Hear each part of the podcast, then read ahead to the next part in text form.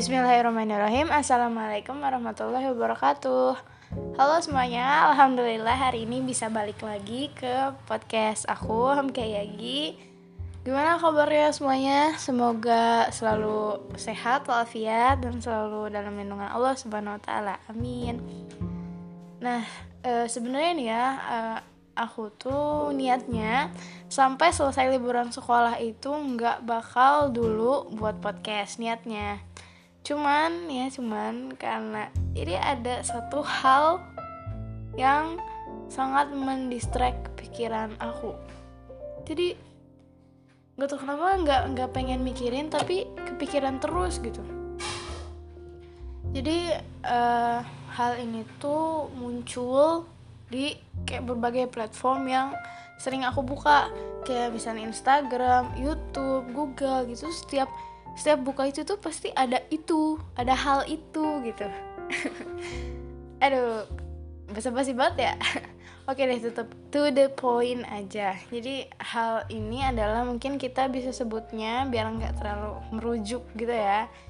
Kita bisa sebutnya ini adalah lagi bete. Ya kalian pasti tau lah ya. Kita sebutnya lagi bete aja oke? Okay? jadi nih di uh, eh, SG aku di Instagram aku sempat nge SG-in sebuah postingan yang postingan ini tuh apa isi dan semua komen yang ada di postingan itu tuh kayak mengganggu pikiran banget gitu. Kayak gimana ya? Jadi isinya itu bikin mikir dan bikin kayak apaan sih nih? gitu. Jadi ngeganggu banget lah intinya makanya aku posting juga di SG dan aku juga udah nulisin sedikit untuk-untuk aku tentang postingan itu di SG dan aku juga udah minta pendapat dari teman-teman beberapa teman-teman alhamdulillah ada yang mau nge-reply dan mau diskusi sama aku seperti dua orang ini yang udah aku taruh namanya di deskripsi podcast ini. Jazakallah khair buat kalian berdua yang udah mau diskusi sama aku. Karena dia tuh bener-bener mengganggu banget dan aku tuh pengen banget gimana ya kayak ngobrolin ini terus ngomongin itu. Gimana sih sebenarnya kita tuh ini tuh yang terjadi tuh apa dan kita tuh harus gimana gitu. Karena serius deh isi dari komennya tuh mengaduk-aduk banget kalau kalian baca ya. Aku di SG sempet nyaranin kalian buat coba deh baca komennya dan itu tuh bener-bener susah. Udah susah itu tuh bener-bener campur aduk pendapat sana pendapat sini. Pokoknya itu tuh bikin bikin pusing. Bukan bikin pusing mana ya? Bikin ya bikin terganggu gitulah pikiran tuh gitu. Nah hasil dari diskusi aku sama dua teman aku itu ini ada sedikit yang bisa aku simpulin dari diskusinya. Mungkin aku bikin poin-poin aja ya jadi biar kalian juga nangkepnya bisa lebih gampang gitu.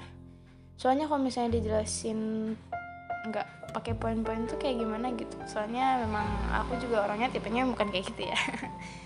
Oke oke. Kita masuk ke poin pertama ya. Ini eh bentar bentar.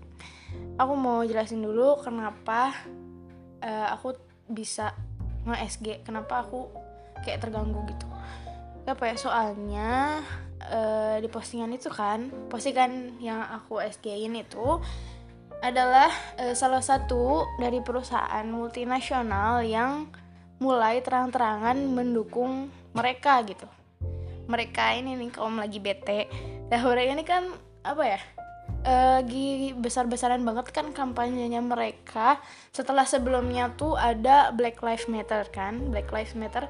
Ini tuh mereka tuh seakan-akan gimana ya mungkin memanfaatkan iya sih bagus mereka memanfaatkan setelah ada BLM gitu kan.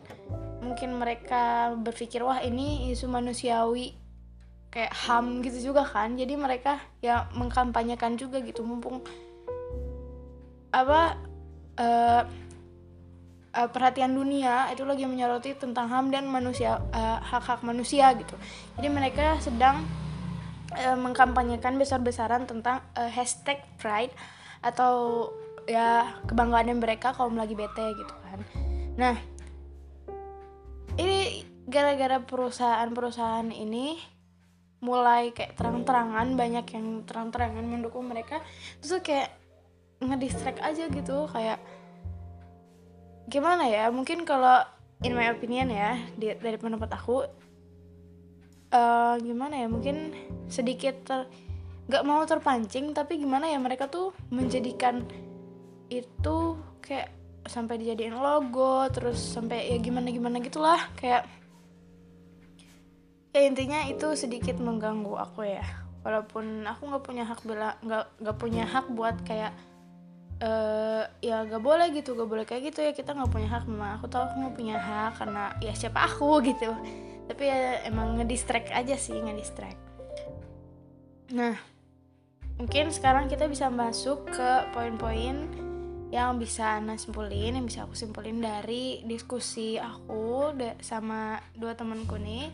Mungkin bisa aku sebutnya ya aku juga udah minta izin ya ke mereka buat sebut nama mereka di sini. Jadi yang pertama itu ada Bang Adul, ada Bang Adul, sama ada uh, Zahra. Ya mereka udah mau, thanks buat ya mereka udah mau diskusi sama aku ini karena aku ini kalau diskusi memang agak gimana ya agak uh, banyak omong gitu.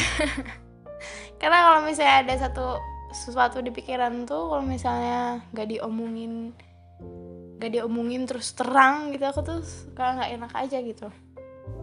Oke oke masuk ke poin-poinnya ya yang pertama ini hasil diskusi sama bang Adul ini salah satu statementnya Bang Adul juga. No LGBT no sosmed. Kata Bang Adul kalau kata Bang Adul secara radikalisnya mau begitu ya secara radikalisnya. Nah kalau menurut uh, aku sendiri komen ini yang paling atau mungkin ya bisa dibilang paling ganggu dari komen-komen yang lain yang ada atau statement-statement yang lain tentang lagi bete ini gitu. Kenapa? Karena pada dasarnya sosmed itu adalah penyalur gitu. Penyalur semua orang itu bisa menyalurkan aspirasi mereka di sosial media. Makanya juga dis kenapa disebutnya sosial media gitu kan. Jadi sosial jadi semua tuh bisa menyalurkan aspirasi mereka di sosial media. Nah kita sendiri gitu. Kita sebagai umat Islam tentu kita juga bisa menyalurkan apa-apa yang seharusnya kita salurkan di sosial media itu gitu. Atau uh, simpelnya mah sosmed ini adalah salah satu sarana dakwah kita. Dakwah ini kan termasuk salah satu uh, apa ya kewajiban yang diturunkan dari Rasulullah kepada kita gitu. Kita harus menjalut, melanjutkan perjuangan Rasulullah dalam mendakwahkan syiar-syiar Islam gitu. Nah salah satunya kita bisa menyalurkan dakwah ini melalui sosmed jadi kalau uh, menurut pendapat Bang Adul dan aku juga setuju banget sama pendapatnya Bang Adul ini kita tuh fokus aja ke dakwah ke syiar Islamnya. Kita dakwahin kalau LGBT LGBT aduh. Oke okay. kalau lagi beta itu nggak baik. Lagi beta itu gak baik dan itu salah dan itu tuh merupakan penyakit karena itu menyalahi fitrah. Ya kan? Bener kan? Itu menyalahi fitrah nah terus kalau in my honest opinion kita pun kudu nyelesain masalah dari sumbernya atau dari tempat masalah itu bersarang. Gini, sekarang kan udah banyak perusahaan dan udah banyak sosmed yang udah terang-terangan mendukung mereka. Nah, kalau menurut aku itu berarti otomatis sosmed-sosmed atau platform-platform tersebut itu adalah menjadi sarang baru atau sumber masalah baru yang berkaitan dengan mereka. Jadi kita bisa selesaikan mulai dari sana, mulai dari sosmed, mulai dari segala macam platform yang udah mulai mendukung mereka gitu. Karena kita kan nggak mungkin apa ya, nggak mungkin kayak istilahnya nyamar terus masuk ke komunitas mereka terus kayak wah itu kayaknya bakal susah banget apalagi di zaman yang ya seperti inilah gitu. Cara termudahnya itu kita bisa menyelesaikannya lewat sosmed gitu. Kita bisa uh, berdakwah di sana gitu. Kita tekan maksudnya bukan tekan gimana ya? Jadi kita berusaha menyadarkan mereka tapi tanpa tanpa masuk tanpa masuk ke dalam gimana ya? Bukan tanpa masuk ke dalam mereka. Jadi kita berusaha membenarkan dari luar istilahnya Maya ya. Berusaha membenarkan dari luar dulu. Karena memang kalau misalnya kita masuk ke dalam itu sedang agak mungkin akan agak susah kalau misalnya kita lakukan sekarang jadi cara termudahnya adalah kita bisa benerin dulu dari luar gitu. Dari tindakan kitanya kita nunjukin bahwa mereka atau lagi bete itu tuh nggak bener salah gitu kan. Nah terus poin keduanya itu adalah support Black Lives Matter tapi gak support pride. Nah kalau menurut aku kita tuh harus begitu. Kenapa karena kita ini adalah tipe orang-orang yang merangkul orangnya dan benci perbuatannya. Kenapa aku bisa bilang kayak gini? Karena kalau menurut uh, menurut perhatian aku ya, dari semua artikel yang aku baca, dari berita, dari segala macam, kalau kampanye Black Lives Matter itu menurutku lebih ke personal atau tentang suatu kelompok, suatu kelompok, suatu orang yang didiskriminasi atas ras. Jadi ini tuh lebih ke apa ya? Lebih ke masalah sara gitu. Ini benar-benar berkaitan dengan kemanusiaan gitu kan? Karena memang semua tuh harus dilakukan uh, diperlakukan secara adil, ya kan? Itu HAM kan? Masalah manusiawi gitu. Kalau BLM itu. Kalau misalnya pride menurut aku ya, correct me if I'm wrong, menurut aku kampanye Pride ini lebih ke kampanye pelegalan dan penghormatan terhadap sebuah tindakan. Ya, di garis bawah tindakan. Karena gimana ya? Kan yang memang yang memang mereka mau mau agar mereka dibebaskan haknya itu kan tindakan mereka gitu kan. Tindakan mereka yang menyukai sesama jenis gitu. Ya kan? Kalau misalnya sepemerhatian aku sih begitu ya tapi ya correct me aja if I'm wrong. Nah terus kalau uh, tentang pendapatnya Bang Adul ini aku setuju banget ya. Setuju banget. Kita kalau kata Bang Adul kita support BLM tapi nggak support Pride ini sangat manusiawi. Benar-benar manusiawi. Ya kenapa?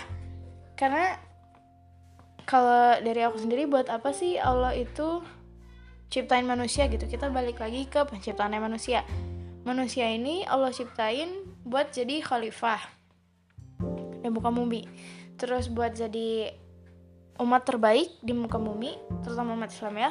Terus kita ini lebih mulia daripada malaikat. Nah intinya itu ya manusia itu mulia. Manusia itu dikasih akal pikiran yang bisa berpikir buat membedakan mana yang benar dan mana yang salah gitu. Kita ini lebih mulia gitu dari bahkan kita lebih mulia dari malaikat. Berarti otomatis kita juga bakal lebih mulia dari binatang kan? Kita lebih mulia dari semua ciptaan Allah kita yang paling mulia. Tapi bingungnya tuh kita sendiri yang malah menyalahi fitrah gitu manusia itu kan udah diciptakan berpasang-pasangan. Segala sesuatu di dunia ini tuh udah diciptakan berpasang-pasangan. Fitrahnya tuh gitu. Seharusnya kita yang punya akal pikiran itu bisa mikir. Kita bisa mengikuti fitrah itu dengan baik gitu. Karena kita tahu itu yang benar. Tapi kenyataannya kita malah seakan-akan lebih buruk gitu dari dari maaf ya dari binatang karena binatang aja tetap berpasangan laki-laki dengan perempuan walaupun mereka nggak punya akal yang bisa dipakai buat mikir. Bayangin kalau misalnya kita misalnya kalau kita ngebiarin juga atau mungkin nauzubillah kalau misalnya kita ikut juga dengan hal-hal yang seperti lagi bete itu berarti kita bisa dianggap kita itu lebih buruk daripada binatang. Karena kita gak bisa mikir gitu. Terus lanjut ya poin yang ketiga maaf ya. Kalau misalnya udah bahas yang kayak gini tuh kalau ini aku bisa rada ngegas karena greget aja gitu. Yang ketiga itu adalah uh, pembebasan hak. Mereka ini kan gencar-gencarnya uh, menyuarakan pembebasan hak mereka tentang tindakan mereka itu kan. Tapi ya hak itu setiap hak itu pasti ada batasannya juga. Kayak aku pernah dengerin kajiannya Ustadz Felix. Nah, ada salah satu uh, statementnya Ustadz Felix yang ini tuh wow banget, keren banget. Dan ini memang benar kenyataannya tuh memang begini gitu. Jadi mereka yang melabeli diri mereka itu netral, sebenarnya mereka adalah orang yang gak netral. Terus berarti sama aja halnya dengan kebebasan. Mereka yang merasa diri mereka bebas, itu sebenarnya mereka tuh gak bebas. Terikat sama aturan yang mereka buat sendiri, secara gak sadar. Misalnya gini ya, kita angkat yang sekarang kita lagi bahas, misalnya e, mereka menyuarakan kita kaum lagi bete juga berhak melakukan apa yang kami mau, gitu kan? Kata mereka misalnya mereka menyuarakan itu nah itu berarti mereka itu secara gak langsung melarang orang buat melarang atau menghalangi mereka melakukan apa yang mau mereka lakukan. Secara gak langsung itu mereka membuat orang lain kena aturan dari mereka gitu. Dan mereka juga harus mematuhi aturan itu. Berarti orang-orang gak boleh ngelarang mereka. Itu kan berarti mereka gak bebas kan? Mereka terikat sama aturan yang mereka buat sendiri gitu. Tapi mereka tuh walaupun misalnya kita udah bolehin gitu tuh sebenarnya mereka gak bebas gitu. Mereka tetap terikat sama aturan yang mereka buat sendiri gitu. Terus poin selanjutnya kalau misalnya kita sebagai umat Islam ini mau berpikir atau kita mau memperhatikan apa yang belakangan ini sering terjadi itu ini tuh adalah upaya akhir zaman. Kenapa aku bisa bilang kayak gini ini ada beberapa poin yang bisa aku simpulin. Yang pertama brainwashing. Kita kita dicuci dengan segala statement yang bertebaran yang membuat umat yang beriman itu jadi gak ya, yakin gak yakin sama kepercayaan sendiri gitu. Coba deh gini, kalian bacain komen di postingan yang waktu itu aku SG-in. Yakin deh kalau misalnya orang-orang awam yang baca itu, itu pasti bakal dibuat ragu-ragu. Kayak dibuat, oh gue gini, oh enggak deh gue harusnya gini gitu. Kayak dibuat ragu-ragu gitu sama semua statement dan komen-komen yang ada di postingan itu. Asli, mah asli. Yang kedua, ditambah lagi dengan generasi milenial yang udah dicekokin paham materi materialis mereka yang udah dicekokin paham materialis tuh pasti bakal mikir gini kalau misalnya gue tinggalin kebutuhan hidup gue gimana?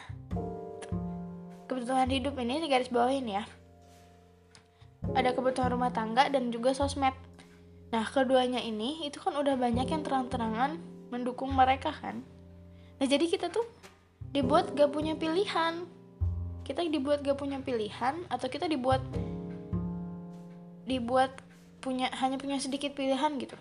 Dengan dua fakta ini dengan seberapa besarnya lapangan kerja yang udah mereka buka terutama di Indonesia dan juga seberapa banyak mereka udah memproduksi kebutuhan-kebutuhan kita. Kayak makan, minum, barang-barang atau kebutuhan rumah tangga, aplikasi, smartphone dan lain-lain gitu. Itu kita tuh dibuat gak punya pilihan. Kayak mereka memang udah dukung mereka dukung secara terang-terangan lagi bete. Nah terus kita adalah pengguna dari mayoritas barang-barang yang mereka produksi gitu. Jadi kita dibuat nggak punya banyak pilihan. Kalau kata kalau kata bang Ado ya kita tuh under control. Jadi kita di bawah kontrolnya mereka gitu. Nah tentang under control ini aku mau sedikit bahas. Jadi uh, aku dapat info dari Zahra. Ya Jazakillah Zahra. Jadi perusahaan-perusahaan multinasional itu sekarang udah banyak kan yang terang-terangan ngedukung kampanye Pride ini atau bisa dibilang juga show their inclusivity movement. Nah, apa sih inclusivity movement ini? Inclusivity movement ini adalah siapa pun yang capable, yang bisa gitu. Mau dia lagi bete, mau dia kulit hitam, kulit putih, kulit putih dan lain-lain gitu mereka tuh boleh dipekerjakan di perusahaan itu nah multinational company ini kan berarti mereka tuh udah merambah ke seluruh dunia kan?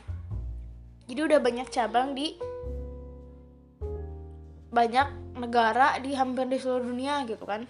Nah terkait dengan inclusivity movement ini misalnya nih mereka boleh dipekerjakan oke okay, oke okay, mensejahterakan oke. Okay.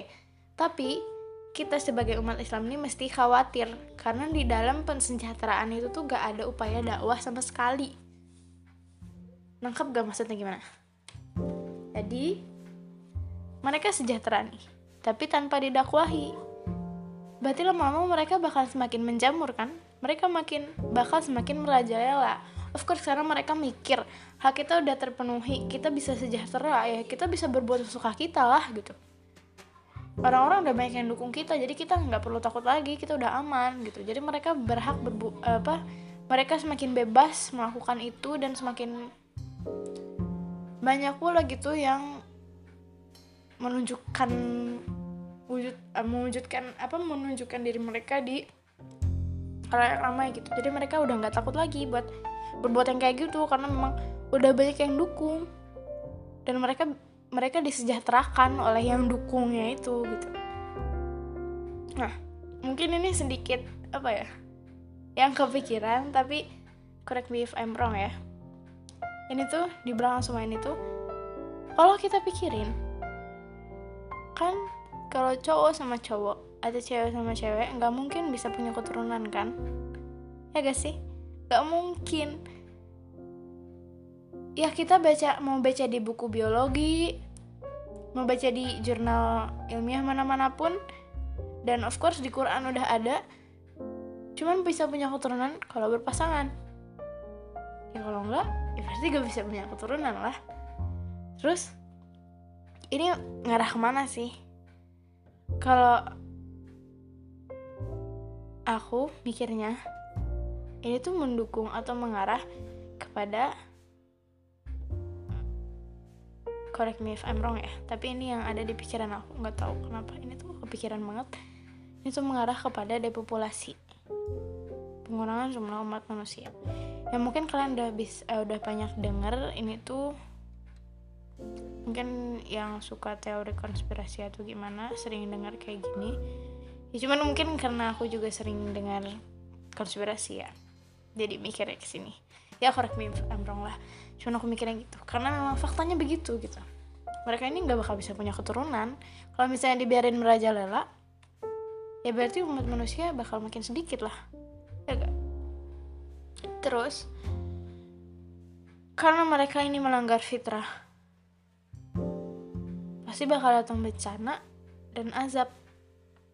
Semua yang melanggar fitrah itu bakal dikasih bencana dan azab. Masalahnya kalau kita gak cegah kalau kita gak biarin kita juga kena bos. Kita juga kena. Yang salah mereka kita juga kena kita ya kita nggak mikirin nggak mikirin kitanya gitu. Kita mikirin ya kita nggak mau mereka kena azab. Gimana ya? Karena kan dakwah itu tanda cinta gitu. Jadi kita tuh ingin merangkul mereka tuh kita mau merangkul mereka gitu. Karena kalau misalnya udah datang azab kan semua juga kena gitu. Apalagi kalau misalnya kita ngediamin aja kita ngebiarin aja. So dari semua diskusi ini sebenarnya kita harus apa sih sebagai umat Islam di zaman yang seperti ini gitu? Kita tuh harus gimana? Kalau misalnya ini murni pendapat ya. Dari yang aku lihat dari semua yang udah terjadi di dunia ini dari semua skenario skenario yang udah dijalankan entah sama siapa entah untuk apa mungkin yang bisa kita lakukan sekarang ini adalah yang pertama itu lawan dengan dakwah ya at least kita melakukan hal-hal yang sekiranya bisa nge-push atau menurunkan keberadaan mereka di platform-platform yang udah dukung kampanye mereka atau kampanye Pride ini. Jadi kita melakukan hal yang berlawanan dengan apa yang mereka lakukan di platform-platform mereka sendiri. Tapi kita jangan mikirnya kita ngelawan ini kita jahat, kita ngelawan ini kita nggak manusiawi, kita jangan mikirnya kayak gitu. Kita mikirnya kita melawan ini karena kita peduli, kita peduli sama mereka. Kita nggak mau mereka apa kita nggak mau mereka tuh kena apa-apa yang udah Allah timpain ke orang-orang zaman dahulu gitu. Ke kaum kayak kaumnya Nabi Lut gitu kan. Kita nggak mau kan mereka kayak gitu kan. Karena ya naluri kita gitu sebagai sama manusia. Siapa sih yang mau kalau misalnya kayak ngelihat manusia lain sakit atau ngelihat manusia lain kena azab gitu kan nggak mau kan. Makanya kita setidaknya ya setidaknya kita lakukan hal-hal yang berkebalikan dengan mereka kita berdakwah terus gitu. setidaknya begitu yang kedua kita kalau menghadapi situasi kayak ya kalau misalnya memang udah gak bisa lagi gitu kita persiapkan pengganti kita harus persiapkan pengganti karena gimana ya aku baca komen-komen di postingan itu tuh udah banyak yang koar-koar boykot boykot segala macem kayak aku tuh bilang hey kamu bilang boykot boykot emang udah ada gantinya gitu. Kayak emang kalau misalnya lo semua ngeboykot itu perusahaan itu atau misalnya platform itu kan udah punya gantinya. Aku cuma mau nanya kayak gitu gitu. Kalau misalnya memang kita belum nyiapin gantinya itu kita nggak bisa. Jelas kita nggak bisa main asal keluar boykot boykot nggak bisa.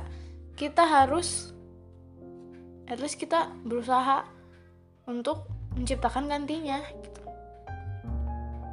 kita harus cari dulu kebutuhan yang bisa memenuhi kebutuhan kita gitu penggantinya atau kalau perlu kita sebagai umat yang terbaik ini kita ciptain saingan atau perganti pengganti pengganti dari mereka mereka ini yang udah ngedukung pride ini ya walaupun ya kita tau lah kita nggak bisa asal kita nggak bisa instan gitu. Uh, melancari atau menciptakan penggantinya. Ya memang kita nggak nggak bisa instan gitu. Kita lepasin itu pelan-pelan aja. Pelan-pelan sambil kita coba cari kita coba uh, temuin apa penggantinya kita coba ciptain apa penggantinya kita coba cari kepercayaan dari rakyat atau dari umat gitu. Kalau kita misalnya membuat penggantinya gitu kan ya karena memang gak ada yang instan. Di dunia ini tuh gak ada yang instan woi asli. Gak ada yang instan. Jadi kita nggak bisa asal main bilang boykot boykot oke. Okay. alhamdulillahnya sih udah banyak ya yang kayak bermunculan pengganti pengganti mereka itu. Tapi masalahnya tuh masih kurang kualitas dan rasa percaya. Berarti ini yang jadi PR kita nih. Kita harus bisa ningkatin kualitasnya itu dan juga kita harus bisa ningkatin rasa percaya orang ke pengganti pengganti mereka. PR-nya itu ya guys. Dan yang terakhir kita nggak boleh goyah sedikit pun. Nggak boleh. Kita harus tetap yakin. Walau situasi udah sekompleks ini kita udah apa ya kayak orang pemikiran tuh di mana mana gitu. Kita kayak udah doktrin terdoktrin sana terdoktrin sini tanpa kita mau karena sekarang adalah era globalisasi gitu kan. Jadi semua informasi tuh masuk dengan mudah. Jadi kita bisa tanpa sadar terdoktrin gitu. Walaupun kita dalam situasi yang sekompleks itu kita harus tetap yakin bahwa tindakan lagi bete itu salah. Kita harus yakin tetap yakin gak boleh goyah. Karena kita udah punya sumber sejarahnya dan kita juga udah punya bukti sejarahnya pula. Kalau apa-apa yang mereka lakukan itu dapat azab dulu tapi itu bukti sejarah. Dan kita harus percaya itu. Kita udah punya sumber sejarahnya. Kita udah punya bukti sejarahnya. Jadi kita gak punya alasan lagi buat goyah. Gak boleh goyah sama sekali. Oke. Wah capek juga guys. Ya mungkin ada sedikit penutup ya.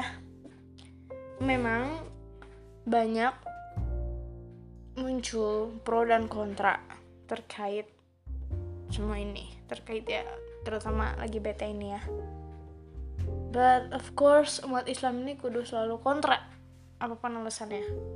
Karena ya seperti yang aku bilang tadi, kita ambil pelajaran dari umatnya Nabi Lut. Yang umatnya Nabi Lut ini coba-coba loh. Mereka ini coba-coba melakukan yang seperti ini, itu coba-coba, tapi berujungnya azab dan malapetaka.